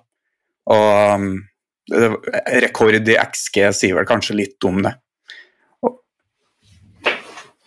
Jeg er absolutt enig i at det, det, har blitt en større flyt over det hele, og det er jo eh, du får større muligheter for å spille med litt mer frihet når du også får et større overtall eh, sentralt, noe som den rotasjonen med, med, Trent sørger for, og som har hjulpet mange lag i det siste. Um, I et system hvor du kun står med tre midtbanespillere, så er du litt tvunget til å bli i sonene dine, og du får ikke rotert like mye. Og da, da, da kan et sånt kaotisk system se ganske mye mer eh, tilfeldig ut enn et, eh, liksom, et, planlagt kaos. Ja, det er vanligere at rotasjonene skjer da i bredda enn sentralt, altså med kant, indreløper, back f.eks., men ja. Det er veldig mye sjeldnere med sentrale rotasjoner, med mindre du da dropper ned en falsk nier, som også Liverpool noen gang har gjort. Men nei, det, det, er artig å se på. Jeg er spent på, en måte hva neste, neste steg der blir. Men eh, jeg er òg Eh, litt sånn undrende på hva var hovedintensjonen. Var det det å få satt opp Sala tidligere, eller å få Trent på ballen enda tidligere? Jeg tror jo det er Trent, jeg tror jo det er sistnevnte, men den, om det, du kan kalle det en sånn side-effekt med at du får involvert Sala tidligere, f.eks. mot United, så får jo Liverpool bare kommet opp på høyresida der via Sala ganske enkelt. Eh, men jeg vet ikke om det var så at de tok høyde for at det kom til å bli et så viktig våpen for dem i år. Det, men det har i hvert fall blitt det. Er, ehm, det som har blitt så veldig vanlig nå, er at man bare har én spiller bredt, og så har man en, eh, en, gjerne to spillere i halvrom, halfspace, som du gjerne kan forklare kort etterpå, Anders.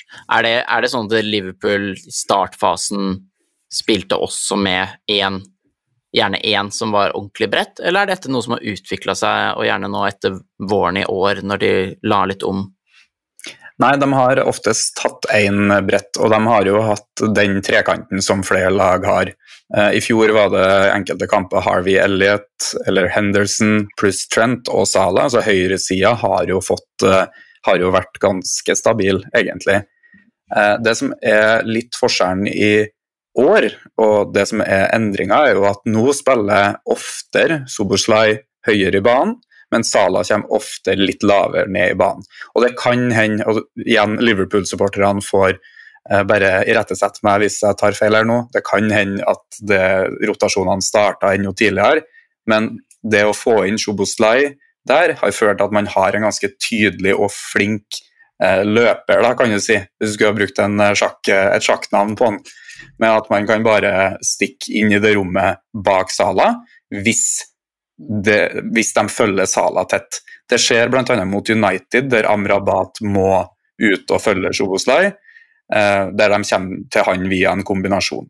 Så hele tida når, eh, når motstanderen velger å ta ut Sala tidlig, så er han klar der. og hans Signeringa av han der var nok ganske viktig for at den dynamikken der funker såpass bra. Så jeg vet, jeg kjenner jo et par eh, Liverpool-supportere som kanskje har vært litt misfornøyd med han i enkelte kamper og sånt, og ikke skjønt helt hvorfor han spiller, men både presset, som vi nevnte i stad, men òg hvordan han utfyller de to andre. Ja, jeg tror det er hovedgrunnen. altså. Og halfspace, eh, for dem som ikke er kjent med det, vil være hvis du deler banen i fem, når du ser den eh, fra mål til mål, altså vertikalt hvis du deler den. Hæ? Lengderetning. I lengderetning var et bedre ord, ja. Takk skal du ha. Deler den i fem, der du deler en sentral linje eller en sentral korridor på, i bredde med midtsirkelen, og så tar du eh, og lager en korridor ytterst fra 16-meteren og ut, og en på andre sida åpenbart òg, fra 16-meteren og ut. Det rommet mellom den sentrale korridoren og den bredeste korridoren er det man kaller half space, som gjør at man er på en måte ganske sentralt i banen og kan angripe mot mål enklere enn bredt, men man er ikke så sentralt i banen at det er masse forsvarsspillere der. Så det er egentlig et strategisk eh, fint rom å bl.a. slå innlegg fra, eller å avansere angrepene fra ganske tidlig. For jo bredere du er, jo lengre blir det jo fra der du står til målet. Mens sentralt vil det ofte være veldig mye folk, og det er vanskelig å angripe helt i den sentrale korridoren som regel uansett. Mens halfspace er ganske mye enklere. Og du kan egentlig spille over hele banen. òg.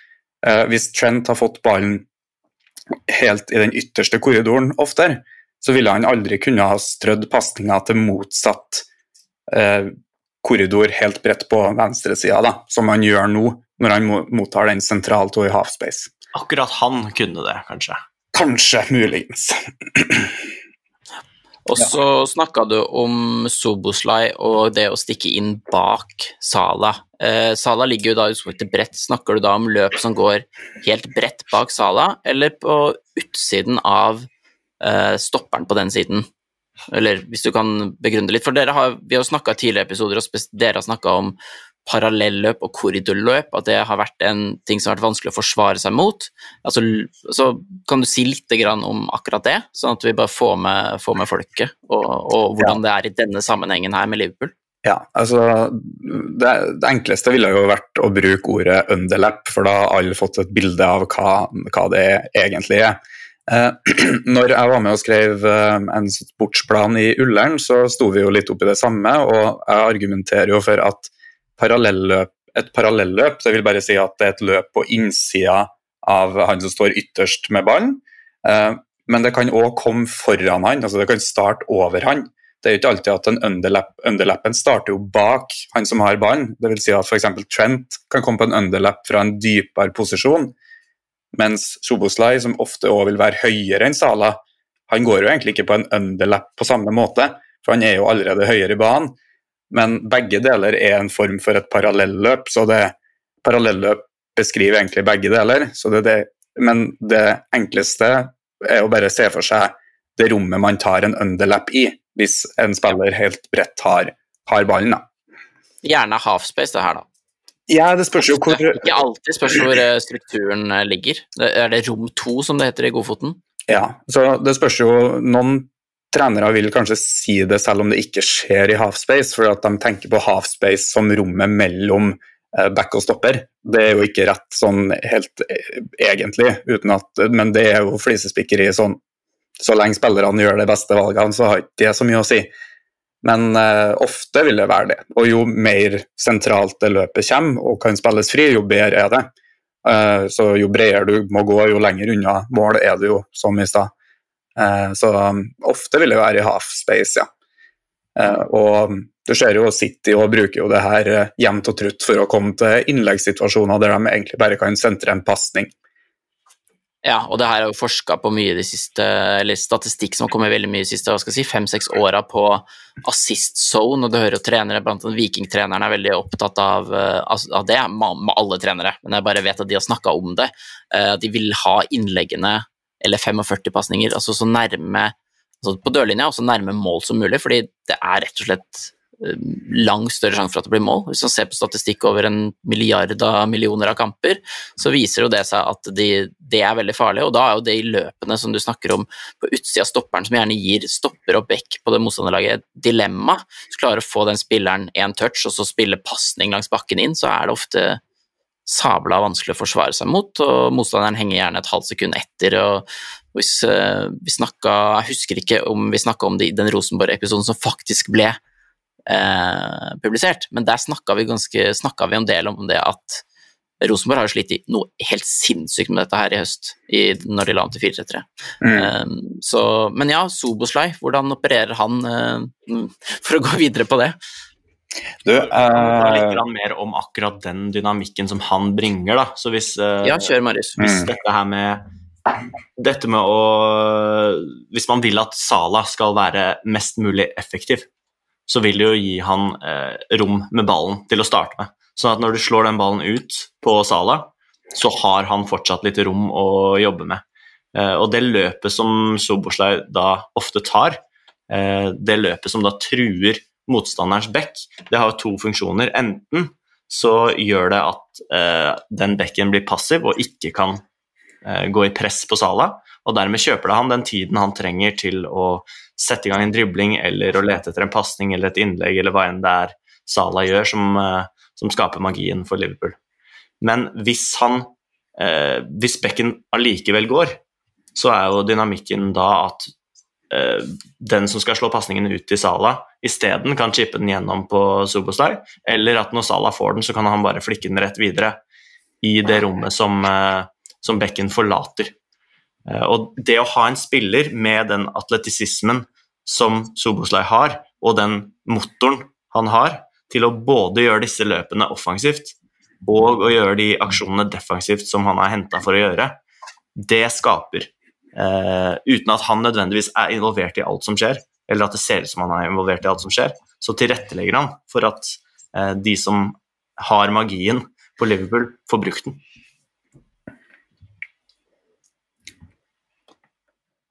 Fortsett du, Anders. Det der var jo ja, superinteressant. Og for meg som ikke har fått sett så mye Liverpool, og jeg jo ikke sett Soboslai før, eller kanskje han spilte med for Ungarn mot Norge en gang, men altså, jeg har omtrent ikke sett han, så det var De betalte jo 70 mill. for han eller noe sånt fra Leipzig. Utrolig interessant å høre. og jeg har jo liksom inntrykk av, kanskje når jeg husker sikkert fra Twitter når han ble henta, at folk kanskje var litt usikre på hvor fleksibel og allrounder han egentlig er. At det har vist at det er han. Mm. Eh, og ikke minst forståelse. At han har tatt, tatt ting fort og forstår Ja, som du snakka om tidligere i episoden, Anders, at han kan gjøre flere ting. Ja, og igjen så ser vi jo det her verdien av å ha en hovedtrener som får være med litt og bestemme på hvem man henter til laget, og at man henter spillere som eh, passer det systemet man har. Da. Igjen, Liverpool lykkes der, hvor f.eks. United ikke lykkes. eh, Det var vel der vi var innom det også, da. Men sånn kort eh, og enklest mulig forklart her, så er det jo bare at eh, når Salah og eh, Trent tar ballen, så har de eh, veldig mange andre som er flinke til å gå på løp, og liker å gå på løp, og som ofte gjør det og ofte kan gjøre det. Og det gjør jo at de eh, ja, storkoser storkoser seg. Kan jo bare velge og vrake i løp som regel, og spille gjennom. Og begge to går jo etter gullpasningen veldig ofte, må jo sies. da. Noen ganger så er det jo litt i overkant hva de prøver på, men de har i hvert fall fått spillerom og tillit til å prøve det. og det eh, er jo noe som f.eks. Linders omtaler i sin bok 'Intensity', med at de har en ganske sånn de, de ønsker kreativitet, de ønsker at folk er offensive når man angriper. og det vises jo i måten de angriper på, litt mer variert enn det City sine angrepsmønster til slutt er, vil jeg si. Selv om de er veldig dominant mot høyresida. Og veldig mange flere skudd enn nummer to. Jeg tror eh, de har 380 skudd, og nummer to på lista har 325 skudd. Med mindre jeg Ja, husker det er feil. 50, jeg tror neste er på 50 med skudd bak. Ok. Noe i Ja, ikke- ja, ikke- det er ganske stor forskjell, altså. Ja, så de har jo som sagt eh, eh, de, de har noen langskudd, som sagt. eh, Bare Ja. åtte mål de har, sammen med, med eh, lag. Ja. Ja, så Liverpool ser jo faktisk litt annerledes på det her med hvor skåres mål fra, og hva, hva de tenker om det. Eh, mer, eh, og det beskriver han jo i den boka, som sikkert alle Liverpool-supportere kanskje har hørt om og kanskje også lest, med at man eh, du, du bare få nok avslutninger, få satt keeperen på prøve, få deflections, få dødballer. Og dødballer er de jo òg veldig, veldig gode på. Jeg har jo ikke omtalt ennå, men for, har du en strategi der som gjør at du sjelden mister ballen, men ofte havner i situasjoner der du ja, gjør du det ofte nok, så kan du ha flaks, og ofte vil du få flaks. eh, så lenge du prøver, så kan det for veldig mange lag være en bedre strategi enn å på død og liv må komme seg til denne rasistsonen. Hvis du blir veldig forutsigbar da, så ja, er det ikke like lett bestandig. Så de, Eh, stats. stats her, Anders. Liverpool klart flest skudd, som i neste sekvens fører til en ny avslutning. Ikke sant? Og de er flinke til å følge opp uh, igjen, kaotiske situasjoner er de gode på. Uh, det med å følge opp uh, returer, mulige returer, viktig poeng. Ikke følge opp returen, men mulige returer. Riktig. Coaching point til unge spillere her.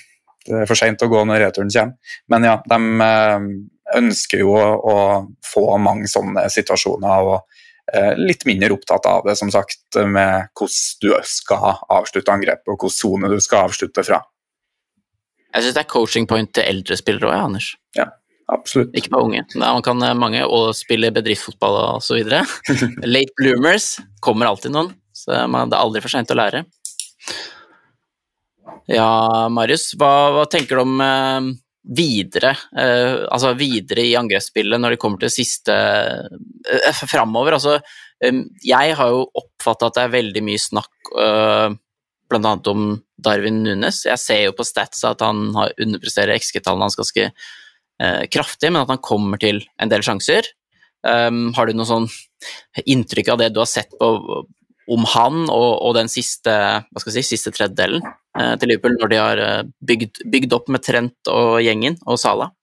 Ja, det er jo bare å se på den siste Newcastle-kampen hvis du vil ha et litt uh, inntrykk av uh, Ja, da må Viaplay ikke fjerne kampene etter 24 timer. Så skal, Nei, jeg, skal jeg gjerne se den. den uh, Altså, han er jo en kul spiller med ekstrem sånn X-faktor i fysikken og bare råhet.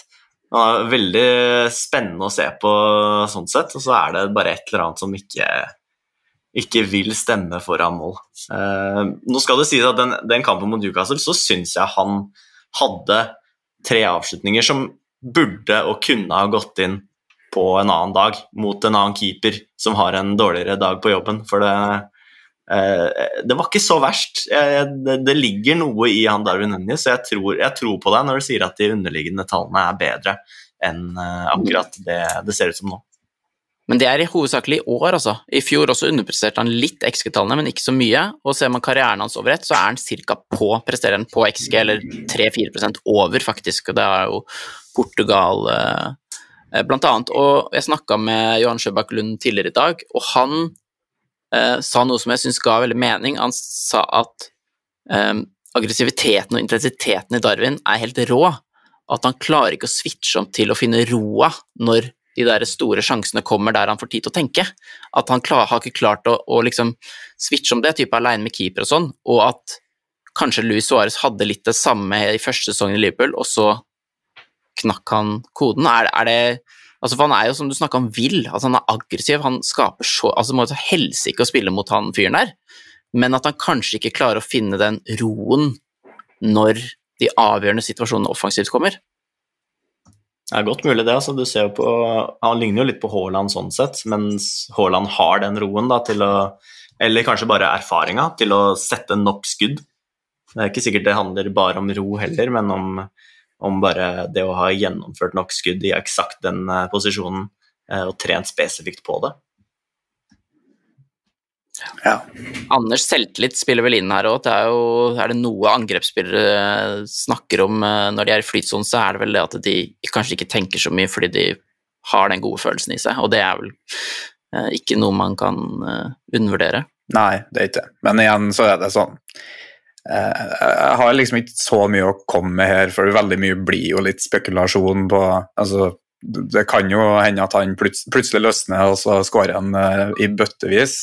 Og for, for min del så er det mest interessant å stille spørsmålet med at med når du har en spiller som det her, da, som kommer til veldig mange sjanser, laget vinner. Han bidrar i press, han bidrar i oppbyggende spill, god feilvendt, god på hodet. Um, har veldig mye i seg, og han springer jo til han dauer, døde, egentlig. God i gjenvinningspresset. Han er jo en kloppspiller på veldig mange måter. Uh, og når det går så bra, da, sånn med laget, og selv om han ikke skårer, så skal du da vrake han? Altså, er det Nei, nei, nei. Ja, det, det, nei, den, eh, nei, det er det. For det, jeg tror nok det er mange som er litt lei av han, av Liverpool-supporterne jeg har snakka med, og mener jo at uh, man burde skåre på mange flere sjanser, og det er jo så klart helt riktig også. Men uh, ja, det, det, er en ting Men verden, ja, fotballverden har jo blitt veldig sånn Kanskje det har blitt mer sånn uh, um, nyansert nå i det siste, men i hvert fall sånn fire-fem-seks år siden, spesielt det der Ronaldo-Messi-hysteriet med målstatistikk sånn, så det, føler jeg liksom folk er veldig på antall mål, ser høydepunkter, får den feelingen at man får jo ikke hele bildet, men hvis man ser høydepunktene, sånn som fort jeg kanskje gjør når jeg ikke har, sitter med Viaplay-abonnement, så er det liksom Du ser han kommer til sjanser, men at han bommer. Og da kan det bare forme hele inntrykket uh, man sitter igjen med, og det sier jo ikke hele sannheten av hva han bidrar med. Uh, hvor, altså, man vil jo gjøre det som uh, øker sjansen for at laget vinner, tar flest mulig poeng. Og da jo, kan man jo ikke isolere, isolere, en spiss til effektivitet. og det er jo over liksom, det er jo ikke over flere sesonger at han har underprestert, så det kan jo rett og slett være stang ut, mangel på selvtillit. Eller det kan være at nivået er et hakk opp, at han på en måte må finne litt ut av det og lære, lære det. Men eh, jeg, sånn av det jeg har sett, så bare tenker jeg du må bare gi han tillit og spilletid, altså. Så, men, det, men alternativet er vel en falsk nier, er det ikke det? Altså sånn type ja, Gakpo eller Gapko. Jeg har fått kritikk for det, for jeg husker aldri om det er P eller K først. Men han og Yota, eller Hota eller Jota, er vel en sånn, der, sånn type som kan spille litt sånn falsk nier-aktig. Eller Firmino, eller Firmino, eller Ja, Firmino. Det er ikke noe sånn derre over enden der. Så det er vel ikke Den har det vært. Den.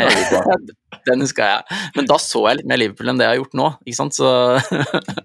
men, men, det er jo litt sånn fundamental forskjell på hvordan laget fremstår hvis de bruker han som en spiss som strekker, som du sier, hele tida truer bak fra opp mot en uh, Shota eller en Gapko. Gakpo.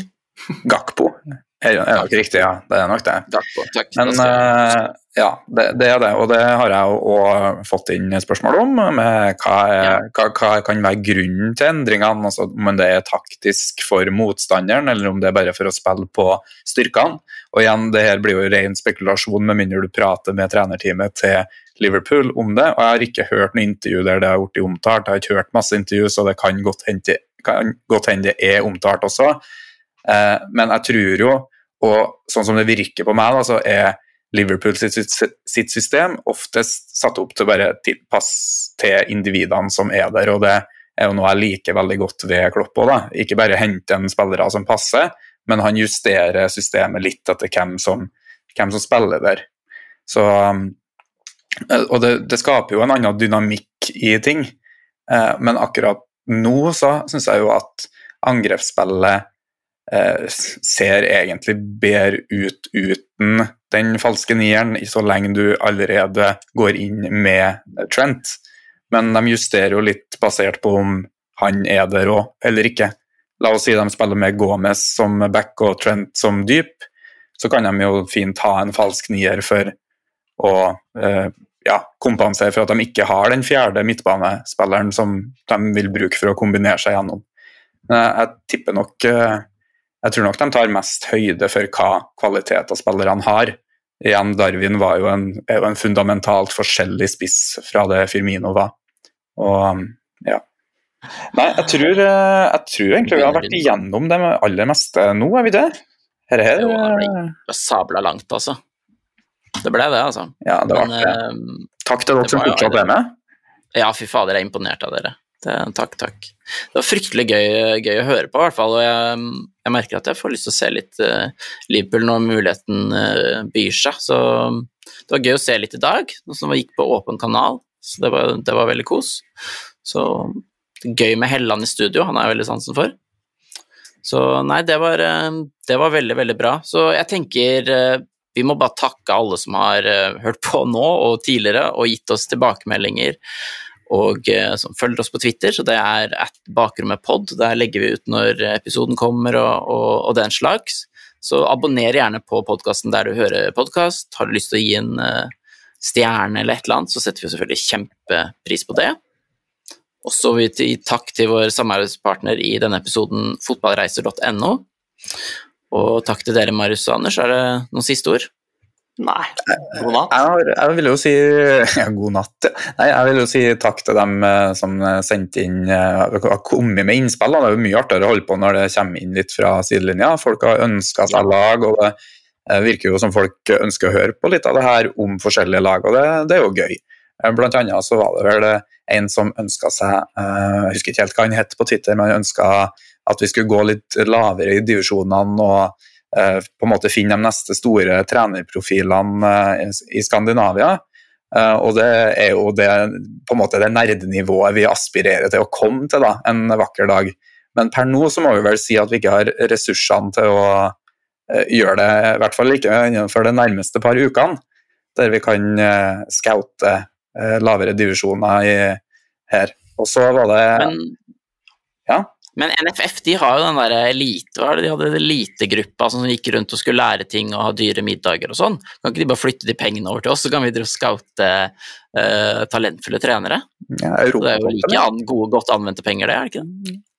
Vi får se. Kanskje. Og så var det jo en som eh, tok og anbefalte oss på Twitter, samtidig som han eh, slengte inn det med at vi burde ha snakka mer om keeperen til Tottenham, og det, det syns jeg er helt konge. da. Altså At du gidder å dele en podkast og hørt på, selv om du har vært en ganske snever fotballnerdepodkast, og den ikke omtaler noe du forventer skal bli omtalt. Da, da må man bare si takk for at han deler, og at uh, han har hørt på. Det, er helt konge, syns jeg. Og vi har Jeg tror vedkommende var keepertrener òg, faktisk, hvis jeg ikke husker feil. Så det er jo bare Ja, det er kudos. Så takk for deling. Altså, vi har fått uh, retweets og likes, og det er med å få podkasten ut, så flere kan, flere kan uh, finne ut om de liker det. Så det setter vi, setter vi veldig, veldig stor pris på. Yep. Da er det på tide å runde av for et par timer søvn. Yes. Yes, Da prates vi om ikke altfor lenge. Takk for at du lytta.